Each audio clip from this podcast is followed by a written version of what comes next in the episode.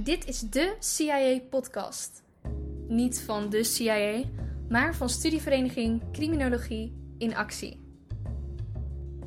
Wij zorgen onder andere voor het sociale contact bij criminologiestudenten aan de Erasmus Universiteit in Rotterdam. Om dit te doen organiseren wij aan de ene kant informele activiteiten, zoals bijvoorbeeld netwerkborrels, studiereizen en feesten. Maar proberen we ook de stof van de studie wat meer toe te passen in de praktijk. Zo organiseren wij bijvoorbeeld lezingen waarvoor we dan een spreker uitnodigen die ons iets komt vertellen over een criminologisch onderwerp. Alleen door de omstandigheden rondom de coronacrisis is het natuurlijk niet meer mogelijk om dit soort fysieke activiteiten te organiseren.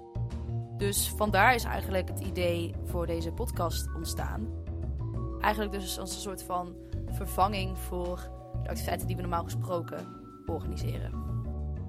In deze podcast hoor je daarom iedere aflevering een andere spreker uit het criminologische werkveld. Er zal worden gesproken over verschillende criminologische onderwerpen in het licht van de coronacrisis.